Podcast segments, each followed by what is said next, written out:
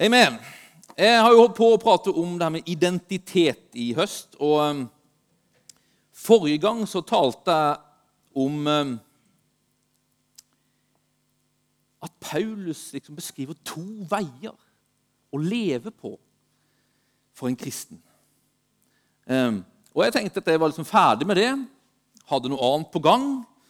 Men så har jeg på en måte utover uka kjent at jeg var kanskje ikke helt ferdig likevel.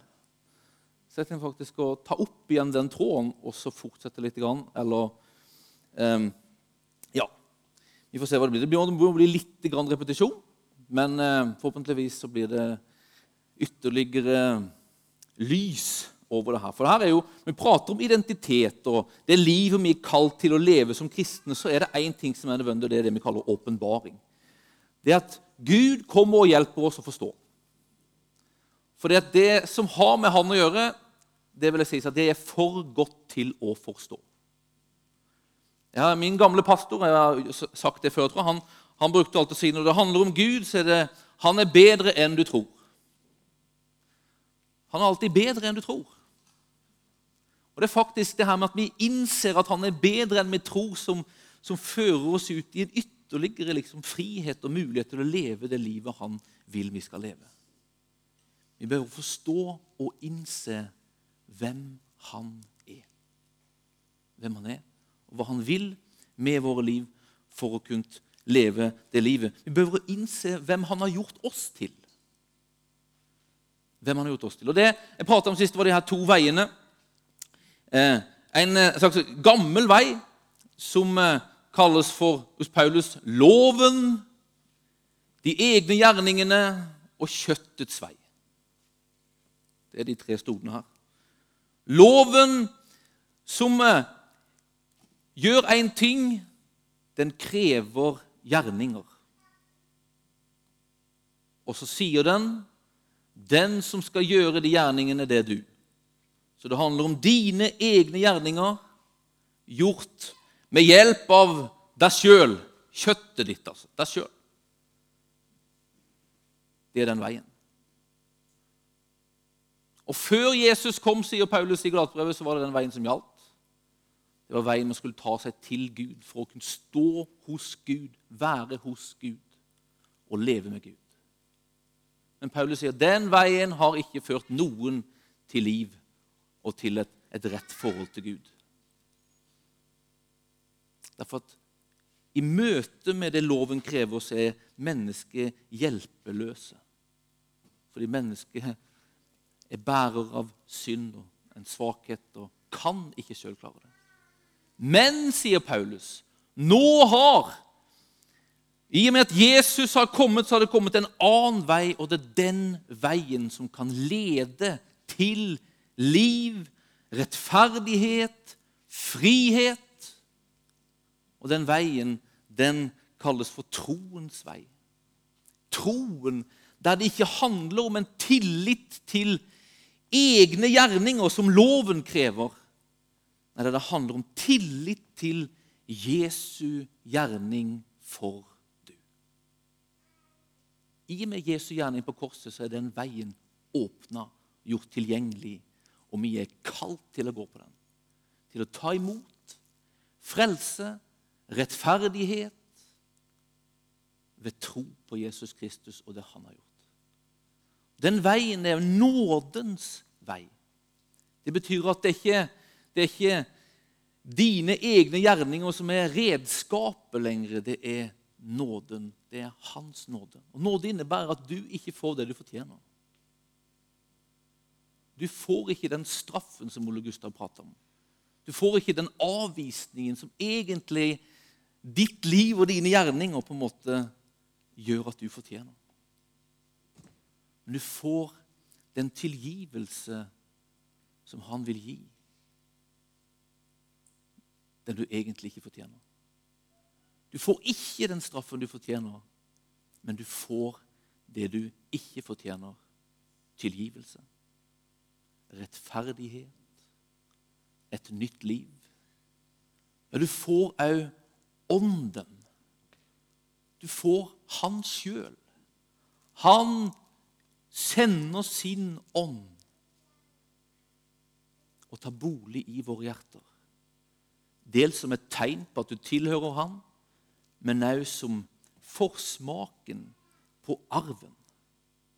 Ja, Paulus han sier så her Han som har gitt oss sin sønn, skulle han ikke òg gi oss allting med ham? På denne veien, troen og nådens vei, så får vi Ånden som ressurs i livet. Som tegn på at vi tilhører Han, og som ressurs i livet.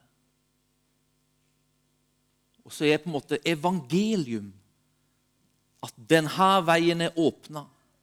Og så er utmaningen, forkynnelsen, budskapet i dette evangelium ta imot det. Still det her. Gå bort fra denne veien og still deg her. Still deg her. På denne veien er det vi får stå innenfor Gud og stå med Ham. Jeg prata tidligere i, i, i, høst her om at vi er rettferdiggjorte ved troen. At vi har blitt sønner og døtre ved troen. At vi er nye skapelser ved troen. Alt det her. Vi får stå her som rene, rettferdige, flekkfrie, himmelen verdige, sønner, døtre, barn. Alt det her bruker Bibelen for å beskrive oss som har stilt oss her. Her. Det her fins bare tilgjengelig her, ved troen på Jesus Kristus. Du kan prøve det her, men det går ikke. Det er bare hans gjerning som er god nok. Det er bare tilliten til han som gjør at vi kan stå innenfor han, sånn som han har tenkt. Som hans barn. Så vi står innenfor han på denne veien. I tro, med nåde, med ånden som tegner. Men så er vi òg kalt til å leve et liv på denne veien. Og Det er litt det jeg har lyst til å betone i dag. Jeg sa sist at jeg, i sommer så var jeg i Grimstad på Åpen himmel, og jeg fikk forbønn av to små jeg jyplinger. Det var, det var to jenter, knapt 20, kanskje de var 20 år. Jeg er blitt så gammel at det er vanskelig å bedømme hvor gamle folk er. Men de var kanskje 20 år. Og Så sa de mange ting som jeg ikke husker, men de sa én ting som jeg beit meg merke til. Og det var at de så noe kongelig over livet mitt. Og det var egentlig ikke det bare fordi det var et fint ord. Det klødde i øret. Men det har på en måte festa seg her. Og det har skapt de med for det, på en måte, jeg, jeg visste jo at jeg var kongelig. Bibelen sier jo at jeg er konge og prest og alt sånt. her. Men det har beit seg merke i meg, og ut fra det ordet så har Gud jobba i meg med nesten en slags utfordring om å leve kongelig. Du vet, Jeg tror at med denne posisjonen som vi har hos Gud, at vi er sønner og døtre, vi er rettferdige og hellige Ja, vi er konger og vi er prester, så fins det en kallelse fra Gud. Og den ser vi òg gang på gang hos Paulus. Lev nå som om du er det. Lev det ut. Du som er sønn, lev som sønn. Du som er rettferdig, lev som rettferdig. Du som er hellig, lev hellig. Du som er konge, lev kongelig. Og så kommer på en måte den her, og så, og så lander det nesten i en slags utmaning som Paulus gir i Galaterbrevet. Det er du som har ånden, lev i. Lev i ånden. Vi er kalt til å leve på denne veien. Vi er kalt til å leve et liv i tro. Vi er kalt til å leve i nåden. Vi er kalt til å leve i ånden. Åssen ser det ut, da? Åssen ser det ut? Paulus han sier egentlig i Galaterbrevet 5 at det ser ut som Gud. For det er et liv i ånden, sier han. Det beskriver han i Galaterbrevet frem som det her åndens frukter. Eller egentlig står det 'åndens frukt' i entall. Han beskriver det livet som kjærlighet, glede, fred, overbærenhet, vennlighet, godhet, trofasthet, ydmykhet, selvbeherskelse. Det er livet. Det er livet. Så vet, det her livet i troen og livet i nåden og livet i ånden, det er et liv som er ganske liksom, Det er ganske høy standard på det. Og jeg tenker på det denne kongeveien som er kalt til å leve, det, det er en ganske høy vei. Altså. Det er en ganske høy vei. Guds tanke med ditt og mitt liv, det er ikke at livet vårt i nåden skal se ut åssen som helst. Men han ønsker at livet der vi står med Han, der vi går med Han Der Han sjøl er ressursen, skal få gjøre oss lik Han. Skal gjøre at vi velger som Han velger. Gjør at vi gjør det Han gjør, sier det Han vil si. Du vet, Vi tenker ofte det her livet i nåden, at nåden er på en måte at alt er greit. Men det er ikke bibelsk nåde. Det er for at Bibelsk nåde er alltid kobla med noe som vi kaller for sannhet. Og sannhet, det er hans vilje, det er hans tanke. Ja, det er faktisk han sjøl. Han er sannheten. Altså. Så det han vil, det han tenker, det er det som er sannheten. Og nåden er alltid kobla med sannheten. Og jeg vil si sånn, Nåde kobla med sannhet blir kraft til forvandling. Forvandling til det sannheten vil. Og nåde borte ifra sannheten, det blir kraftløst. Kraftløst. Så Gud han har ikke kalt oss til å leve åssen som helst. Han sier, 'Jeg har en vilje. Jeg har en tanke. Jeg har en vei. Jeg har åpenbart det i mitt ord.' Det er veien jeg har for deg. Det er veien jeg har for deg. Men det er ikke en vei som er på en måte er, er kaster deg inn på lovens vei, og så stiller jeg meg her foran, og så, og så venter jeg og så krever jeg til du har på en måte gått din vei og, og, gjort dine egne gjerninger og har gjort så godt du kan i din egen kraft, og så at du forhåpentligvis kommer til meg. Nei, det er en vei der du skal få stå hos meg. Der du skal få gå med meg. Der du ikke, så lenge du står her, så kommer du ikke til å få det du egentlig fortjener, men du kommer til å få det du ikke fortjener. Min hjelp, mine ressurser, min kraft, min ånd. Dette er den nye veien. Dette er det Esekiel ser i Esekiel 36 når han sier så at, at, at, Gud i de kommende tider, eller de siste tider, altså, skal legge sin ånd i våre hjerter. Og så skal han årsake, står det på grunnteksten der, årsake som vi gjør etter hans forskriver, eller som vi holder hans forskrifter, holder hans bud eller gjør hans vilje. Løftet til Gud på denne veien som han har kalt oss til, det er en vei i den retning han har. Det er en retning han vil. Men det er ikke en, rett, det er ikke en vei i ensomhet. Det er en vei med han med oss, der han vil virke det fram i oss. Men det er aldri en vei. Gjør det du vil. Og Det har blitt så alvorlig for meg, det her, det her liksom Kongeveien. Og jeg tror at en nøkkel i det her for å kunne gjøre det, det er kapitulasjon. Vi er kalt nesten av Gud til å kapitulere. Vi kan ikke på en måte leve det liv han har tenkt, aleine. I vår egen evne eller vår egen stolthet blir kalt og er nødt til å kapitulere. Men vi er kalt til å kapitulere på rett sted. Rett sted.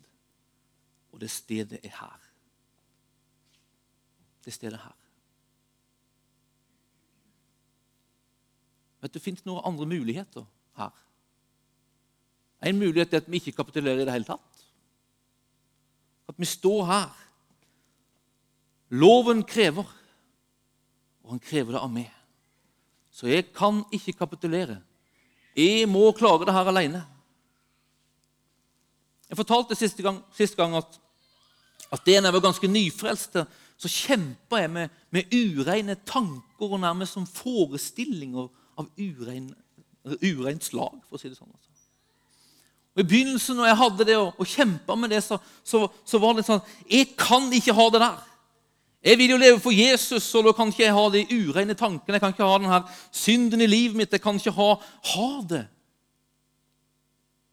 Og det resulterte i en, i, en, i en, skam, og det resulterte i at det der må jeg på en måte Før jeg kommer dit, at jeg på en måte stiller meg hos han, så må jeg på en måte gjøre noe med det. Jeg sto der i den forstand at, jeg, at jeg, var, jeg, var, jeg, var, frelst og alt sånt der. Men du vet, selv om han står her som frelst, så er det som at når, når kallelsen kommer, når hans vilje kommer, så er det som at vi lett glir over her. At da må jeg på en måte gjøre noe sjøl. Det er som at vi tenker at her kommer vi, og så hører vi hans vilje. Han vil dit og vil dit. Ok, så går vi over her. Og så strever vi og så strever vi til vi føler vi har lykkes ganske bra. Og så er det opp, nå har jeg lykkes ganske bra. Neste liksom, steg eller neste ting du vil jeg skal gjøre. Men det er ikke Guds tanke. Det er ingen vei til seier. Den veien den fører til, sier Bibelen, til trelldom, til begrensning, til fangenskap, ja, til og med til død. Og jeg kjempa og kjempa. Men jo mer jeg slåss mot på en måte det her, det her jo verre ble det jo. altså. Det handler om hva i fokus, faktisk. altså. Denne veien, lovens vei, sier Paulus, den vekker synden. Så jo verre ble det, jo vanskeligere ble det. Helt til jeg fikk innsikt og tro på at Guds nåde, den gjelder når jeg er på det dårligste av det dårligste, det laveste av det laveste, når jeg er som mest mislykka, så gjelder fortsatt Hans nåde. Hans innbydelse, Hans ord. Han roper 'kom'. Han roper 'kom'. Han roper 'kom'. Hebrebrevet 4.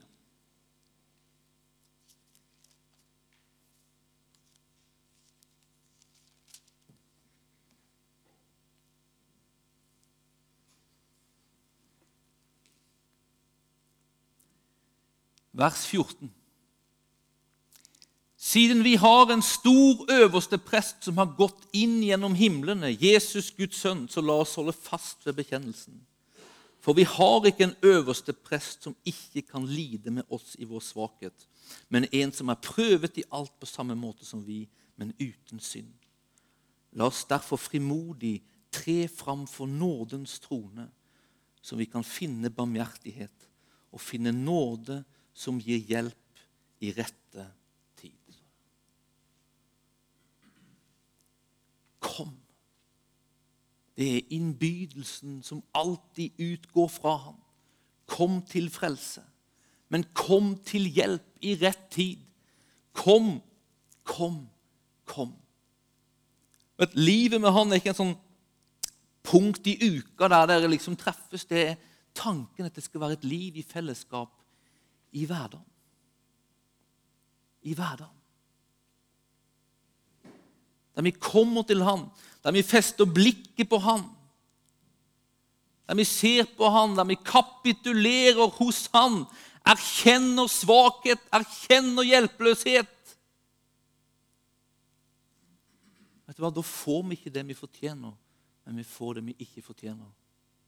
Hans nåde og hjelp hans tilgivelse og styrke, hans kjærlighet og velbehag. For meg ble det løsningen. Jeg kom til den innsikten at jeg våga å kapitulere hos han og ta det her til ham. Man kan jo gå til ham, men på en måte holde unna det vi sliter med. Men så lenge vi holder det unna, så lenge vi holder det i mørket, så kan ikke Hans nåde hjelpe. De er overgitt til vår egen evne. Men jeg innser at jeg fikk komme, at invitasjonen til hele mitt liv altså, fantes fra hans side Og jeg kom, erkjente det, holdt det i lyset og sa 'sånn er det', så var det starten på frihet. Så var det starten på frihet. Vi hadde besøk her i vår som heter Andy Glower. Han var talt om skam. Jeg vet ikke om dere hørte det. Han hadde farshjerteskolen her.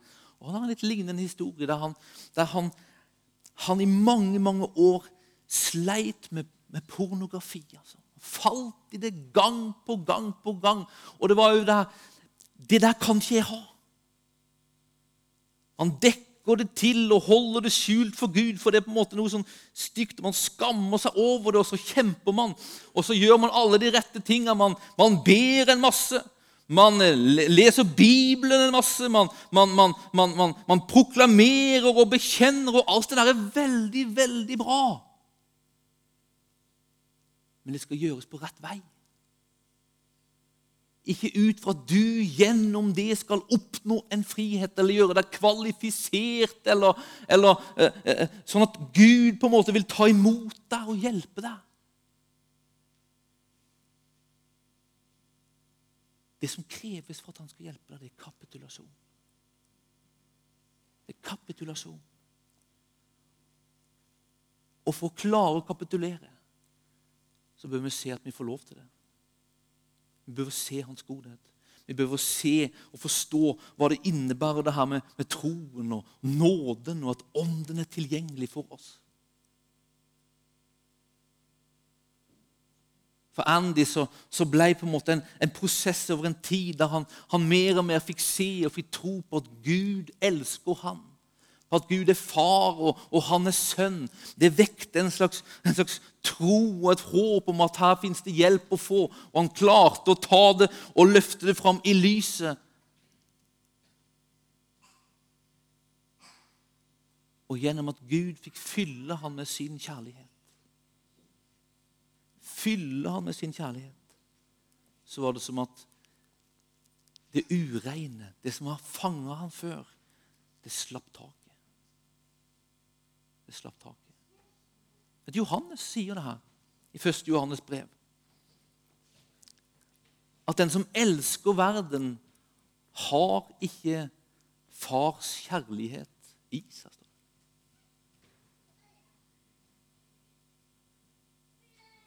Altså Det er som at det, det som mangler når vi sliter og jobber og er fangen under det denne verden vil, under synden og alt det her, så er det en nøkkel der, skriver Johannes. Det å få nok fars kjærlighet. Det å fylles av fars kjærlighet. Det å fylles av Guds kjærlighet. Det å stille seg her, det. Det å kapitulere og si at 'jeg klarer det ikke'.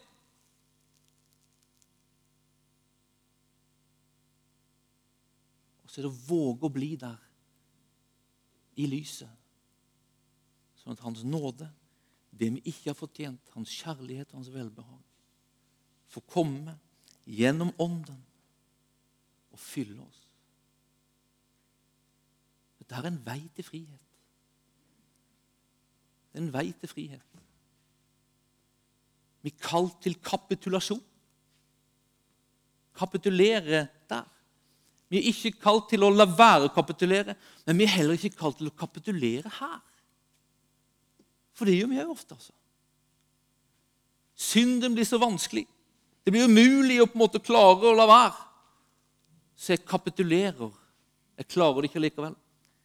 Jeg er jo bare et menneske, hører man ofte. Og det er sant. Men det er likevel ikke sant. For du er ikke bare et menneske når du tror på Jesus Kristus. Derfor du er en ny skapelse. Du står ikke alene lenger, du står med Han. Derfor er vi ikke kalt til å måtte kapitulere under det at det er bare et menneske. Vi er kalt til å innse at det er bare et menneske, for det innebærer at det er sjanseløst. Det er det vi legger i det. Men når vi har innsett at vi er sjanseløse, så skal det drive oss hit. til Han.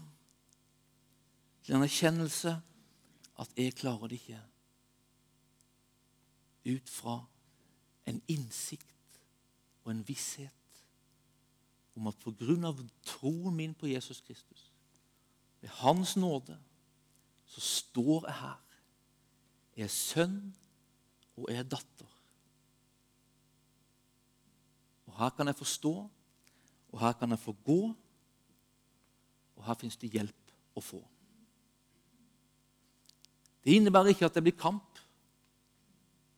Kjøttet, det river og det sliter. Lystene fins der. Begjæret fins der. Men selv om vi skulle falle, så er ikke det på en måte grønt lys for å kapitulere og velge å leve etter kjøttet. I det fins det et kall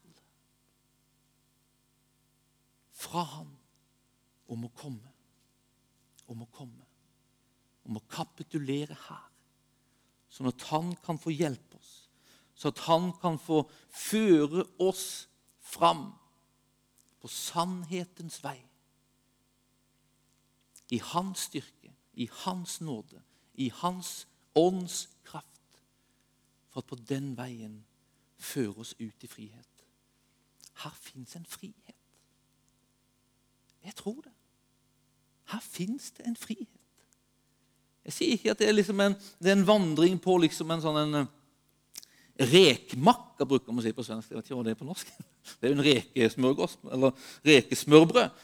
Men altså, bruker å si det, man liksom glir liksom inn så der, og så tilfeldigvis bare står Oi, her var Helt tilfeldig. Det er ikke alltid det er så lett. Det kan være en vei å gå, en prosess å vandre. Men du kommer ikke inn i friheten, livet som Gud har tenkt, uten at du kapitulerer hos ham og fortsetter å kapitulere hos ham gang på gang på gang på gang. Nådens trone den stilles foran oss, og det innebærer at det fins alltid mulighet og en kallelse fra hans side til kapitulasjon. Det handler ikke om at vi skal bli utvaska og ingenting være. Men det handler om at vi skal kaste oss på ham. I alt det som er overmektig for oss, kaste oss på ham, så at nåden og ånden får komme oss til nytte. Paulus prater om det her, at Guds nåde har kommet til nytte. Guds nåde har fått gjøre det den skal gjøre i livet vårt. Og det skjer når den får føre oss fram og inn i det livet Gud har tenkt. Vi tenkt skal være som Jesus i denne verden. Som Jesus i denne verden. Det er egentlig Galaterbrevet 5, de åndens frukt. Det er en beskrivelse av ham. Vi skal ikke vandre på, på, kjøttets vei. Vi skal ikke vandre i det som er imot Guds vilje. Vi skal vandre i sannheten. Men vi skal gjøre det i nåden. Vet, sannhet uten nåde, det fører skam over mennesker. Men sannhet marinert i nåde, kobla med nåden, forløser mennesker. Fører mennesker inn i frihet. Vi er kalt til kapitulasjon. Vi er kalt til kapitulasjon. Amen. Jeg lurer på om jeg skal slutte der, altså. Jeg er fortsatt på side én i manus. Ikke dette Alt der sto ikke på side 1 i manus. altså. Men jeg tror det her er bra. Jeg tror vi skal slutte med Salme 51.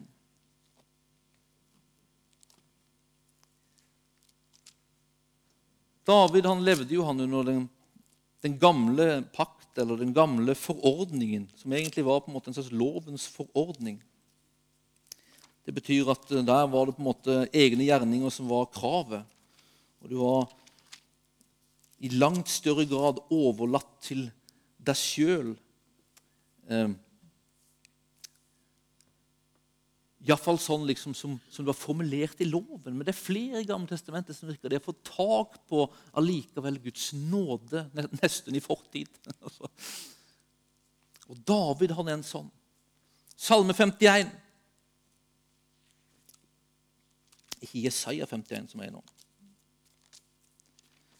Salme 51 den skriver David i forbindelse med at Jeg husker denne episoden med, med, med Batseba, som David var utro med. Han var utro med, med en annen manns hustru som heter Batseba, og, og, falt i synd og holdt lenge på med det der egentlig liv tvers imot Guds vilje. Så kom denne profeten Natan og konfronterte han, og så, og så skriver David Salme 51 som en slags respons på en innsikt om sin egen tilkortkommenhet og synd.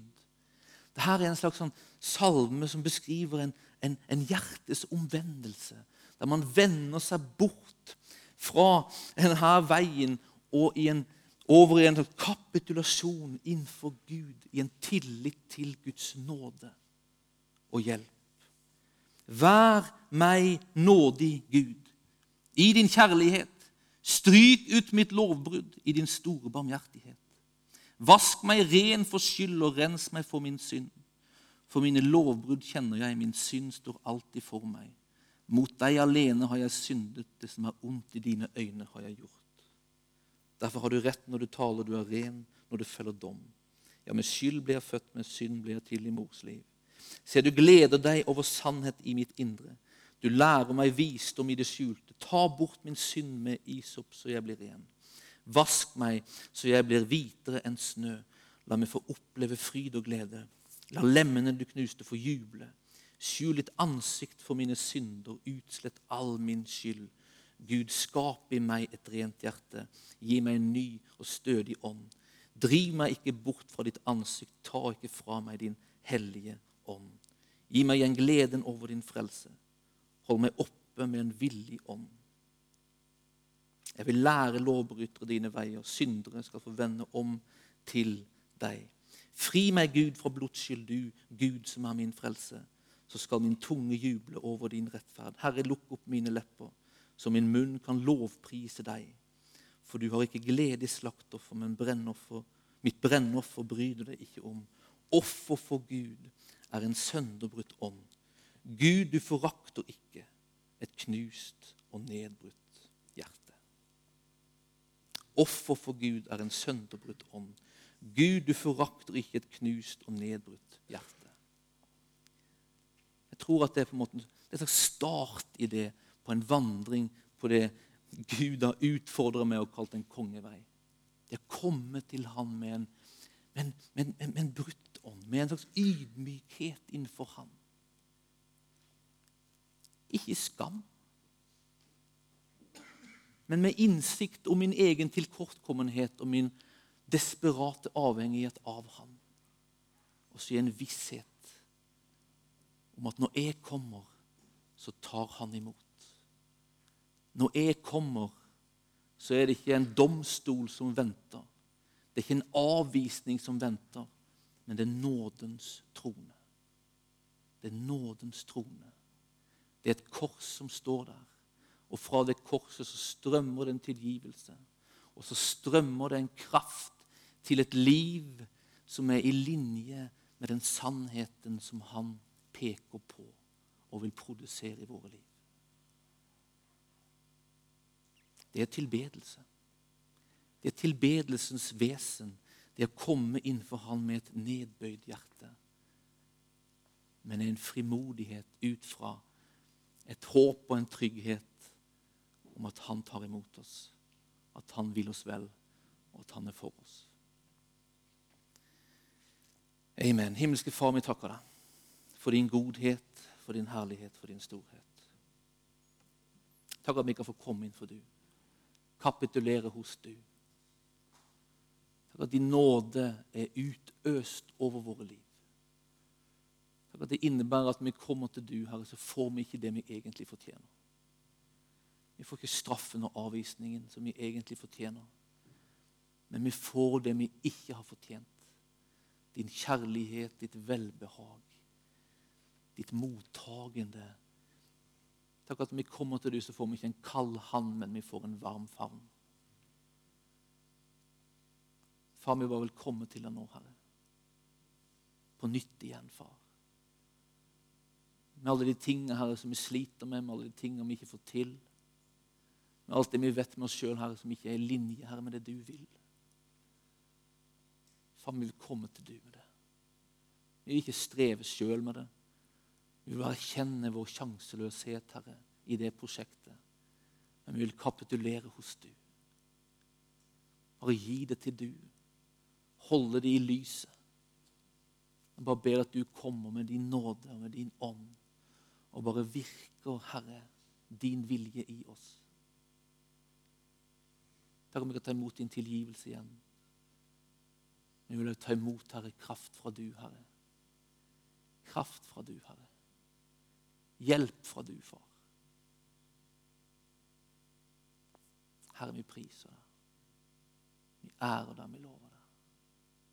Takk at du fører oss ut, far, på dine veier. Din vei som fører inn i frihet. Din vei der det fins kraft, far, til mer og mer kunst stå imot, Herre, kjøttets begjær og det som fins der, far. Far, vi vil mer og mer, far, drikke fra du. Ta imot ifra du. Så at vi mer og mer, far, kan leve et liv, Herre, i Ånden styrka av Ånden, leda av Ånden. Den ånd som vi har fått av du, Herre, ved at vi står, Herre, i troen på Jesus Kristus. Vi priser deg ære deg. Bare kom akkurat nå. Kom nå, far, når vi går inn her i tilbedelse her i dette møtet. Far, bare kom og betjen. Kom og betjen på de områdene Herre, som vi sliter med. Herre. De områdene far, som kanskje har blitt levende for oss nå. Herre. Synlig for oss nå. Vi vil bare komme og kapitulere hos du. Hos du der det finnes hjelp å få. Takker deg, far, for at vi får komme til nådens trone. Nådens trone. Ikke der kommer lovsangere. Så gjør vi helt enkelt sånn at vi i lovsang og tilbedelse bare står vi innenfor Gud, og så så kapitulerer vi helt enkelt innenfor Han. Vi gir Han her det som eh, kan være vanskelig. Vi gir Han det vi kjemper med. Vi slutter å kjempe sjøl. Vi slutter å kjempe sjøl. Så tillater vi Han å kjempe for oss. Så reiser vi oss hvis vi har kapitulert på feil sted. Omvender oss og går til Han. Han som vil hjelpe, som kan hjelpe, som har en vei for oss. Ønsker du forbønn i det her, så er du velkommen fram.